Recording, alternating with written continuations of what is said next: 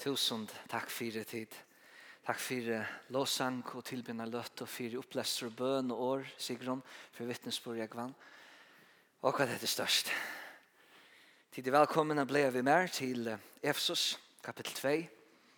Vi får at lese fra vers 11 og til vers 22 sammen.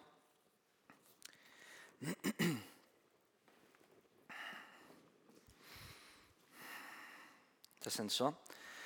Tess vekna skulle tid minnas til at hit som avur var heitningar i holte og var kattleir og omskarner av hine så nevnte omskjeringen i holte som er gjørt vi hånd.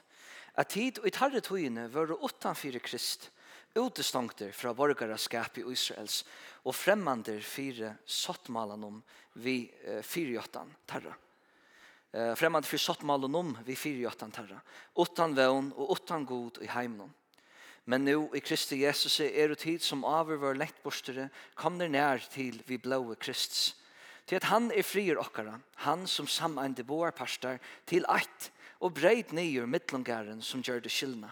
Fudgenskapen ta i han og i holdesøgnum tog av lovene vi båårum og skibanum, til tess at han og i sær kunde skapa tar boar til ena nudja menneskjum, vi til at han uiberste fri, og at gjøre at her boar sottar og i einom likame vi god vi krossnum.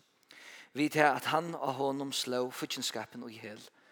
Og han kom og boa i fri fyrt tikkum som lengt borste våre, og fri fyrt heimon som nær våre, til at vi honom heva vid bare parstar og i einom anda etgångt til feiren så er det tid ta ikke langt fremmander og utlendingar, men tid er det samborgarar vi hinnom heilav og Guds husfolk, oppbygder av grunnvødl apostlene og profetene, medan Kristus Jesus sjálfur er hodnasteineren, som hver bygninger veru samanbunden vi og vekser opp til et heilagt tempel i herranom, som eisne tid vera samanbygder ui til ein Guds bostad og i andanom Vi låser i Efesus, kapittel 2, vers 11 til 22. Det er godt å ha det fremme, nå tar vi færre takket til jøgnen.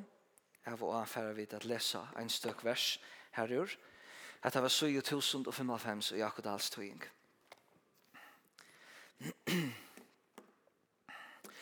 Gå færre nå tar vi vidt færre i år tøyt, og vi til sammen innskja at lære vilja tøyna kjenne og at komme til hernarre. Og Så vi om at du gjør det klart og greit for dere, at det er tøyne år som vera søgt og vera hørt, at du gjørst gjørst dere blett så vi takker med det. Hele ande Guds åpenbæra til dere Kristus Jesus og Jesu Mersen. Vis dere å at det større versk og Jesus er gjørst for dere, så det er at vi her som sida kunne være sammeint og kunne være eit, eit likam og hava sammenhold som er ivernaturligt. naturligt.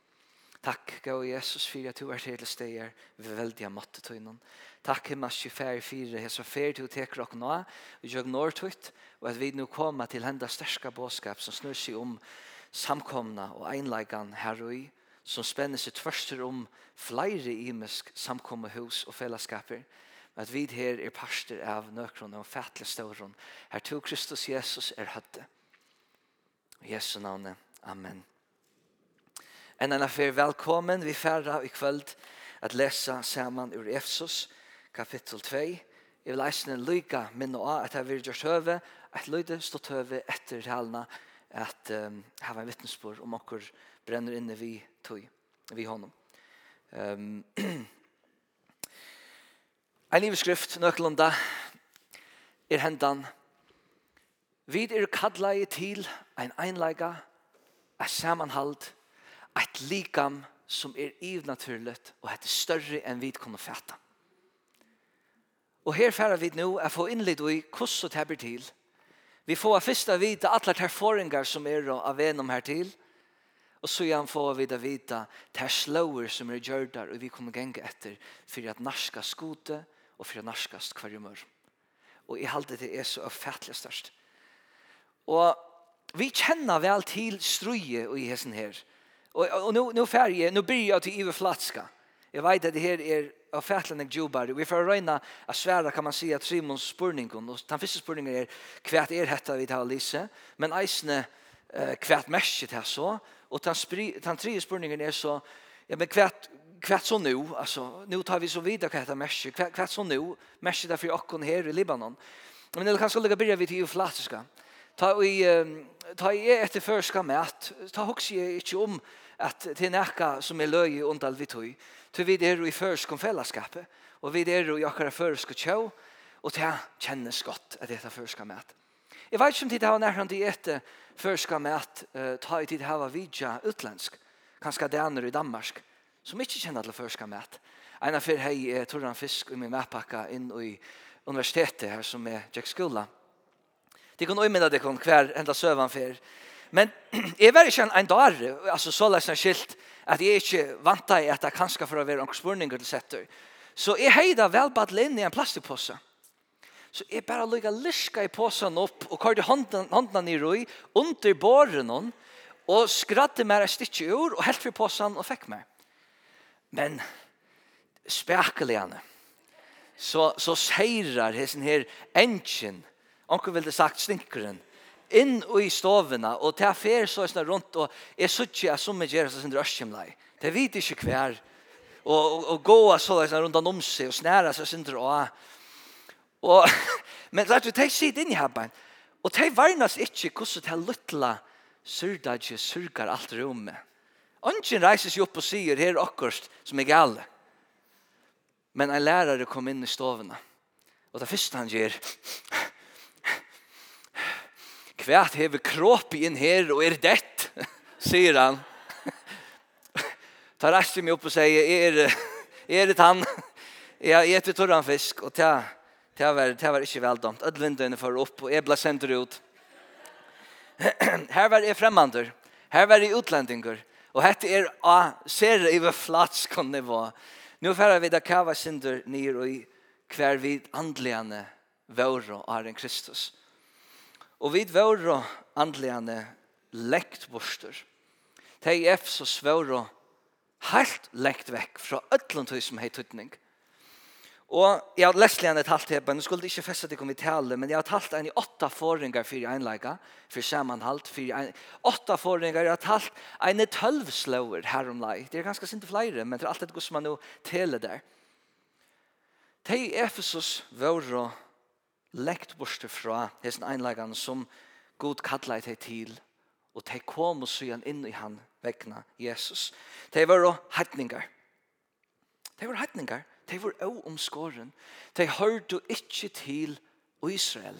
Og her vi hørte de ikke til Guds folk og Guds utvelging så lesnær som det alltid har vært frem og undan dette.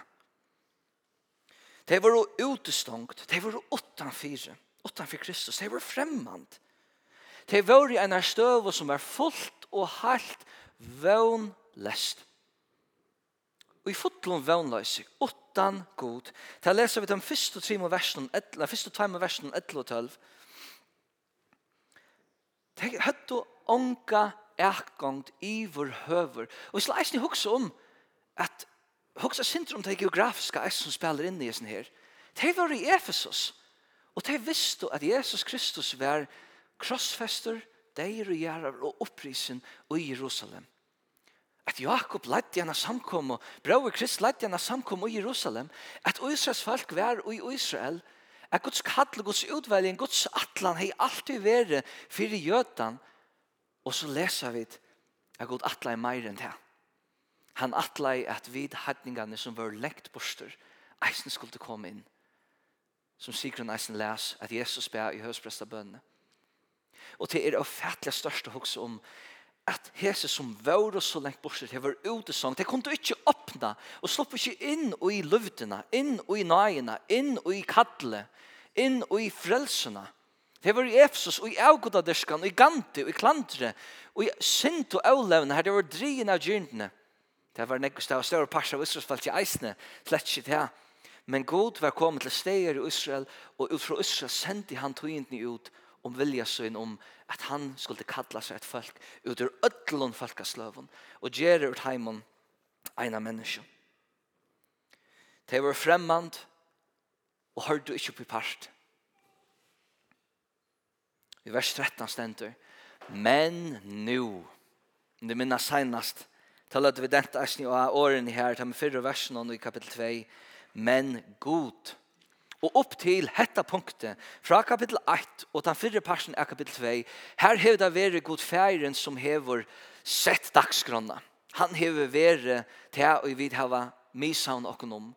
Han hever han som hever kalla, han er han som får opp av noen fyri atlai, etter søgnon rai, etter søgnon kærleik og gøske møtvis okkon og han, og så leser vi kapittel 2, og så han hever, hever en samandrott her om frelsene, og han elsker oss, men vi enda var fudgen der, og så han og Kristus frelser okkom, og at det er gava Guds, men nu, stender vers 13, og i Kristus Jesus, nu vil Kristus Jesus hevjaver, og hese versen er helt fram til 22, det snikva seg om det her verset som Jesus hever gjørst, og som han gjør det fyri okkon, som brøtte det så løsner at vi finner nekker slåer av genka. Til det som forar einleika og som forar samanhald i middelen, jødan og grikkan, til at heidningeren kunne komme inn og gjøres parster av det. Det her var heienskaperen. Det var det at de var øvomskåren. Det var det at de var fremmand og var ikke parster av borgarskap i Israels. De var utanfyr, men nu Kristi Jesus, og i Kristi Jesus i er og tid, som avur var og lekt borster, kommer nær vi blåe Krist. Han samante boar pastar, han er frier okkar, stendre vers 14. Han breid nyer mittlingaren som gjør det skillna. Fudgenskapen, ta i han i holdt så innom tåg av lovene vi bååren og skipan om. Til tess at han og seg kunne skapa ter boar til eina nudja menneskje, vi til at han og i beste fri. Han kom inn og brøtte alt. Og her tar man om en middlengar som ble riven nyer, og det som er nok så avhåverst, det er at Paulus kanska viser han til nekka som eisen er søvle prekva, at ui halgidamnum var ein mittlengar som forreie, hedningunum, grikkunum, romerium og öllum øren falkasløvun, ta fóra eit heimun og jeg koma inn i tempelet. Ta var et sted i helgedom her hattningren kunne standa, men så var alt anna atla og. Og av hessu mittlengaren her stod det eisne skriva en skrift som lesligen i omsett sier nekka såleis. til er tuin egna abir hadningur om du støyer innom her og, ver, og, og dorst. Til er tuin egna abir om du støyer innom henda gær og til dorst. Til så alvarsamt var det, heidningren vær ute stongter. Han hei onka etgångt. Føringren hei onka etgångt. Det var au gjørlig at heimon å komme inn uh, i saunaen. Og til å være det heidninger som dyrka god, men de måtte dyrka god fjerst fra. Så Jesus kom og sammeinde på våre pastor. Han gjør det til sått. Han kom vi blåe søgnen. Ta lesa vid eisen våre. At han skulle gjøre eit likan bors ur teimen. Vers 16. Og at gjøre til våre såttar i ein og likame. Vi god, uh, vi god, vi krossen hon. Vi til at han av honom slå futjenskapen og i hel. Tressen jeg har vært han bruker seg orangene som er egentlig herlig. Han slå futjenskapen og i, i, i hel. En åndestøying sier at han drep futjenskapen. Så han kommer inn og verligane rister ødel og bryter nyer allar forringar, allar undanførsler, allar omberingar fire, einleika, samanhald, fellesskap. Jesus kom inn og gjør det til. Og ta og i året her sier at han gjør det så at vi kom nær så leser vi det sinte sættene at jeg kan merke til til hver et gang til feiren. Kan gjøre det så at vi finko et gang til feiren. Vi kommer i en fria støv. Her og nå er vi ikke utenfor takka gods og velvilja gods, men vi er ui takka gods, ui velvilja gods, ui blåe lamsens at nu hever han uiberst fri og i middelen boar parter, den fyrtskapen som vær i middelen jødan og grykkan. Vi får sagt att oss syndrom heter här kuss och hetta hur tutning för kuss vi så igen leva och är vi kvar annan. Till att ha hej över näka futchenskaper och näka klanter och några fraste och i mitten till som höra Jesse till.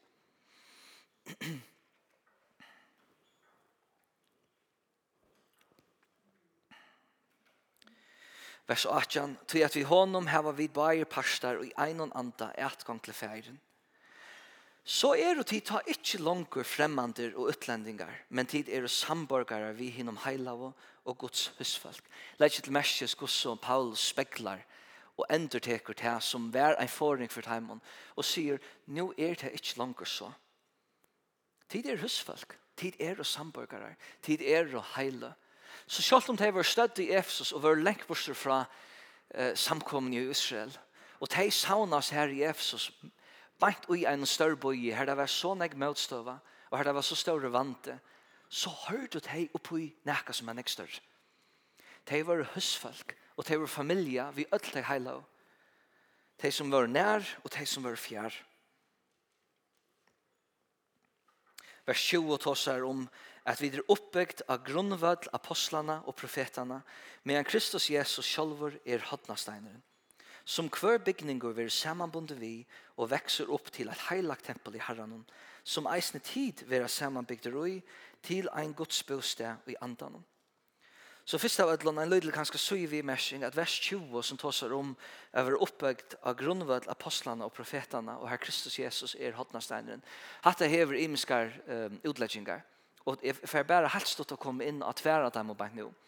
Og den ene uh, sier så leis, at apostlaner og profetaner i hesson førnum var sjálvande apostlaner og profetar som var tatt knytter til apostlaner etla kanska i sommerføren var apostlaner sjálver som eisne virka og som profetar.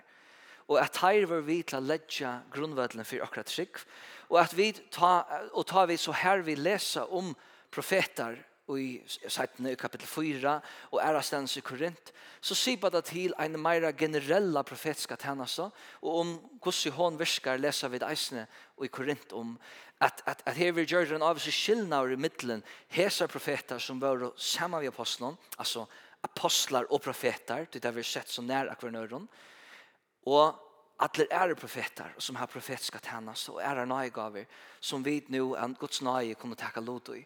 Her som vi er kallet til det. Det er hette en, en utlegging som jeg halde ser er stersk og gå. En annen utlegging sier at ta et av vi nevnt apostlaner og profetaner, så er det apostlaner det her som Jesus Kristus utvalgte og synte seg selv om fire, men profetaner er å ta gamle skriftene ta gamla åren, Moses og Lowen, David og alt det som er skriva nye og som er givet, som er gamla som heter, Som eisen er en sera stersk utlegging av oss her, som jeg aldri eisen heldig vel. Einast trobladjen er at just henda samme orangen er nevnt i kapitel 4, og ta siba det ikkje til profeter i som testamentet, ta siba det til de som god kallar at oppbyggja Kristi ligam og i hese tog vi liv i nu. Så her, her er det synder kjelet jeg skulle ha en utlegging som mesjer i en kapittel og mesjer et annet i en kapittel. Men her så bor det det mest vikommande for åkken her vi hoa bak nu. Så vi har alle til at grunderleie som vi stand av i det, og som er bor i åkken att etter att, er det her grunderleie som apostlene og profetene lødde. Herre Jesus er hotensteinen. Vi dyrker ikke nærkran annan person. Vi fer ikke til nærkran annan god enn Kristus Jesus. Og han er han som hesen bygninger er um, sammanbunden vi og vekser opp til et heilagt tempel i Herren. Og og som eisne tid vera samanbygder og til ein Guds bostad i andan. Og så her kommer eit som eisne olvarsamt. Ongen av okkon hever nekra ombering ta eit kommer til at teka lot ui til kjønnlige samkommende som Kristus eier. Vi hever ong ombering. Det ber ikke til å si at jeg har ikke tørva oss nær, at jeg, eier, at jeg har ikke fornøyende at, at genka reglige og lottaka og halda saman vi uh, samkomne til det stendte beint her og beinles. Les om at sammen her. Hesen bygninger som vi jo er som vi kallar hese, altså det er seg rikken og jøden, ein bygninger, han vil samanbunden vi Kristus Jesus som er hodnasteinen, og ein bygninger kan ikke bygges, utan vi heva heta grundaleie, og ein hotnastein og grundaleie er lagt, og hotnasteinen er setter, og så vil bygningeren bygter Og det er mer enn bare einstaklinger talt, det er en fellesskap vi tar som, en bygning over bygder. Og så for å understryke det sier han vers 22. Eisne tid vera saman bygder ui til ein gods bostad. Så vi vera kalla i et tempel, og vi vera kalla i ein bostad. vid er og drie nær til god i blå lamsens. Alla tar foringar som vore, heitningar, og omskåren, um, utlendingar, fremmand Nu er vi samborgare, kommer nær. Frier er kommet lær, middel okken og god. Futjenskaperen er uh, driben, er øyder. Vi er husfelt gods. Vi er en bygninger som er samanbunden, her Jesus er hotnasteineren. Og vi er samanbunden vi bygningen. Her er det samkommende skimren. Husmøtene, fellesskaperen. At vi møtes her reglige hever vi saman bunden vi bygningen her Jesus Kristus er hodnasteineren. Og så endrar vi til ein Guds bostad i andan. Er det ikke Det er eisen ein bostad og god i andan her. Det er anden som er innsiklig om alt dette okken lova vær. Han er pantren om det her som vil utlast okken. Og i hesare verald og i hinne kommand. Pantren er forgjaldet. Vi får en smakk av tog. Forge alltid opp trøst i andan. Sikning og glede til vi skal ein dag være trøst til fullnar. Og hava glede til fullnar. Og ikkje grata meir. At vi skulle her oppleva hva det mesjer av være eit ligam og være limer hver kjøren og tjene hver møren.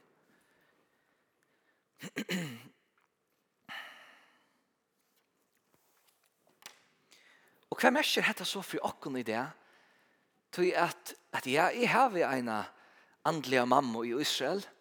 Det er ikke så øyla nekka okken det som har beinleis kanska samband vi messianska jødar. Nøkra okken er inni hava kanska. Uh, og her har retta, sånn det, en beinleis, ett til ett tøytning, at jeg kan ha andliga fellesskap vi ein tryggvande jøda, uh, ein som tror på Messias, Jesus Kristus, og vera ett vi vikommande, og vera ett ligan vi vikommande. Uh, Men hette er eisne praktisk antydning fyrir okken i det. Og jeg har opplevd det på imska mater. Og jeg har lika koma vi nøkron dømon. Ta jeg flottet til Danmarskar, og jeg har sagt det så søven akkurat fyrir. Ta møtte jeg en Egypta. Jeg var akkurat kommet inn i uibuna, man er spentur, er en unger lydel piltur, akkurat flott til Danmarskar, jeg er ikke heima kja mamma mine. Du vet, man sider det ikke vi så noen kjenslån, og, og, og jeg er overfrattet kjenslån, for jeg sier det som det er. Og så hittir jeg ut en glukkan, og i uibuna, og Og så stendur ein mørske maur her, vi tatt klipt hon hare, han er tydelig ein utlendingur, ein fremmander, ein som ikkje hev danskan borgaraskap. Det har nøyest ikkje veri det, men, men det var det så i som før noen.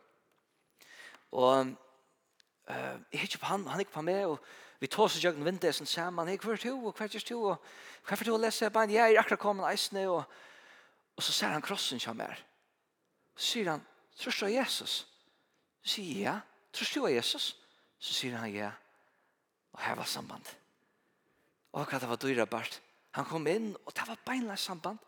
Han har en koptiska bakgrunn i Egyptalandet. Og, men, men, men tror av Jesus som sin frelsere. Og jeg seg i givet lansare.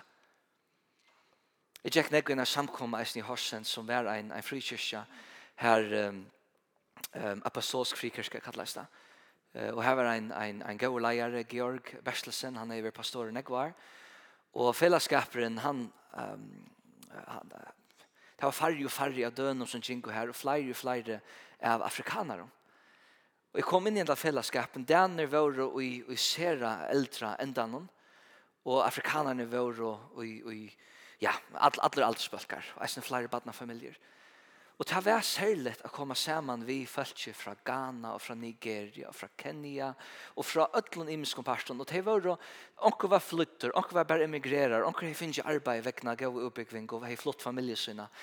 Men de savnet oss her for å tilby og vi var ett like. Vi var ikke fremmant nøkker middel. Vi vidt ut og tar mat, og tar brent i tunkene, og, og det var sunt ikke harsht, og onker klappa i, og, og så ble det helt i om herene og onker nøren, så vi sønner av, og onker her tog seg og skillet, at, jeg, jeg, det var ikke noen til, det var bare av skillet. Og det var så stått litt av en fellesskap som var, var så der elvande, og, og, og, og, og, og, og kærleksfotler og nærværende, Og det han er eisne til så her på henne sier, åh, hukse det kom, folk som, som opprunalige eisne flere den kom ur folkekirke sammenhenge. Og anker kan skal være fra Pinsarørsel, og nøkker dem høyde hilde til, og jeg på Sølskirken negg var. Og det er vår eisne her, og, og høyde flott seg negv, hvis du hukse det ikke noe med det. høyde flott seg negv fra å være en dansk samkomme midt i Horsens, som heier der gamle røter, til å være en samkomme her, kanskje helten, mulig, jeg synes ikke flere enn helten var afrikansk Og det så det her en trygg, bøy for hvernig øren og tro at Gud skulle vidja Danmark, at Gud skulle kveitje opp Danmark og frelsa Danmark. Her møttes de vikulige trygg. Jeg held det var så størst. Jeg kom i samband eisne vi en gauan vin som nå er flotter heim i dørd, Jørgen Råde Petersen. Jeg vet til det har hørt om han, til han har rørst mitt liv så djupt, og jeg mat hos om han. Mæveren var uh, dementor, og var oppi i Arnon, og endur tåg, en oppater tåg, synar søver, hundratallsfere fyrir mer. Og jeg prysa i god til hverja fyrir jeg slapp å høyra vittnesbord hans herra. Og jeg slapp å suttja gus han nesten hverja fyrir tara i og vær så rørdur og mengan velja græt han tåsa om Jesus og sier han er han som eier løyve sutt og han er han som ødel må djeva seg iver til. Og det var så størst at han fer inn i Ukraina til å bo evangeliet og fer reis rundt og det ikke å bruke telefon. Han heier um, Jeg får han ikke utenfor telefon? Hvordan var det søvn han var? Altså, han fører vi pengen lomman, og så fører han av sted. Han heier en, en vi kallar det sitar, her alle doraner var og forspenter, det var fra C opp til, til B, eller H, og så spalte han doraner. Så sånn er det, av noen, så var tungt, tre stykker, og så sank han, solmar og røndi jeg syndja åndjeskon og vittnaie og boa evangeliet og ferreis rundt og i gamas aldre han dodde ikke bruka Google Maps han dodde ikke leida netten han, han fyrir av sted i trygg og akten er eina for å være stranda og midt i Ukraina og heis pengar til, til å slippe heimater Eller var han kommet til Paulans og skulle sigle over om, jeg minnes ikke akkurat. Men han har ikke pengene å slippe å gjøre, og god sier det fyrt at han fikk pengene når han kom her. Einar for hver han færen og jeg tog, han skulle enda i en togstasjon, kjempe togstasjon, og her skulle han hitta noen folk. så skulle de dagens her av noen. Og jeg halte det er så kommet også om en etle gammal dane som ferast det at han vil boa Østeuropean evangelium Jesus. Han får reise inn i Russlands, til han var synder yngre. Helt og fætlig størst. Og jeg slapp å hava fellesskap vi henta mann til fem årene i Danmark. Det var så størst. Det var så dyrabart. Jeg merkja tan enleikene. Og jeg slapp å ha fellesskap i flere ånder her i, um, i Danmark og på henda maten. Så tar vi vita hetta så er det å gjøre okken et ufattelig størst takksemme og eisne er jeg vil kjenne ei mjukleika. Tog jeg vidt kom til å ikke gjøre for å slippe innom. Vi var utestangt. Odgen var her ivre vi ødlund og grivnen og visom, hun var hine med igjen. Her var simpelt hen ein, ein, ein fjører i middelen, og vi konto ikkje sleppa iver her til. Men Jesus sjálfur gjør det en brygg i rom. Han gjør det så at det var allgångt og etkomlet. Han vukte okkon en nudjan og livande ved inn i jøknon for hens, inn i det allra heiligste. Her for det. Ja, vi får eisen sættene at at høyre om dette her at vi skulle være uiklad, at vi skulle uiklad oss hese her nødje. Men jeg ætler lesa lese tve vers som eisene viser av Guds vilja som har vært så lesen fra avnån, og så kommer vi til enda. Og i Johannes kapittel 20, vers 16, her leser vi at Jesus sier, og heter er ui til kapittelen her han greier fra at han er hingå i hiren og mitt inn jo i her, vers 16 sier han så leisner. I havi eisne ærar seier som ikkje høyr oppi hetta fylkje. Eisne teir ei er at leia, og teir skulle høyra rest moina Og det skal vera eit seier fylkje, ein hyre. vi hava vid gava orsøk til at teka i hendene av okkara brøvrum og systrum i trunne. Jeg var sikker hver fire troarhus i om til å komme fra, eller ærestens i heime. I at det er Jesus Kristus som frelser og herre, så er vi en familie. Og vi er og ett fylke, og vi har ein hyra. Og i Jesaja, kapittel 6, vers 9, har vi en en affær, um, et lyfte som er endertidig her i Efsos kapittel 2. Uh, og dette har jeg ikke om senast da jeg leser henne kapitlen, men Her stender, uh, kapittel 6, vers 9. Tja ödlum og i syrja skapi e uh, varrana avvöxt. Fri. Ja, miklan fri. Jeg veit det bæg i taimon og i nånd, og taimon og i fjærlegt, sier Herren. Nu vil jeg grua han. Han veit det fri. Tja taimon som er nånd, og taimon som er fjærlegt. Miklan fri. Han er kommet til okkar her i fargen. Han er her i okkar fellesskapet. Og vi har så nekv at takka fire, at prysa god fire, at tilbya navn hans for fire. så hva skal vi gjøre her i Libanon og her i våtene? Vi eier å søke fellesskap vi hver nøren. Vi eier å ringe til hver annan midt i viko, for vi vet hvordan vet vi. Vi eier å be for hver nøren bia for samkom okkar her, a bia for leslene og ætland heimen som tæna har abyrd og hava oppgaver, for badna arbeid og sundagsskolan og som er ein hins største tjenestan ut fra hessen huset, ut fra hessen fellesskapet. Takk god for det arbeid. Vi da jeg doa samskifta, at hosa, at vi om kvann annan, at vi er nær, at byggva saman. Vi flott og messenger ja, jeg tror ikke jeg får deg nødt til hjem til blir sint for meg. Men, men jeg har yngste haft ikke nærmere av meg. Og jeg ikke har ikke nærmere av meg, og jeg ikke har nærmere av dere. Og jeg vet at det er en tilgångt, og jeg vet at det er en menning, og, det er, og vi kommer alltid å være av disse feriene. Og kanskje til tøyer har vi kjent dere nærmere av hverandre enn ære tøyer. Og så er sånn jeg vil da noe ene for vera. Men vi har vært kallet i åkken, og vi har vært sannligende stimbra og edja i det vi Ötlund tøy som har sagt og bi og sunnje til at Jesus har vukt okkom hendan vi. Han har givet okkom slånar av genga. Vi er og ein familie. Vi høyra til samme hus. Vi har samme hyra. Og vi skulle være samanbunden her Jesus er hotnasteinere. Her bøttene skulle vekse opp akkurat middelen og være alt oppe av okken her i fellesskapet. Her vi ledger ned og i teg Guds år og sikning og kærleik og omsorgan og amening og eia tatt nøyut at vi veide ære og stol og, og takk til Herre som, som genga eisne framme for okken og revelager okkara og som hjelper og strøyes og berges for at Orgos skal høyrast og komme ut her i øynene og her om landet.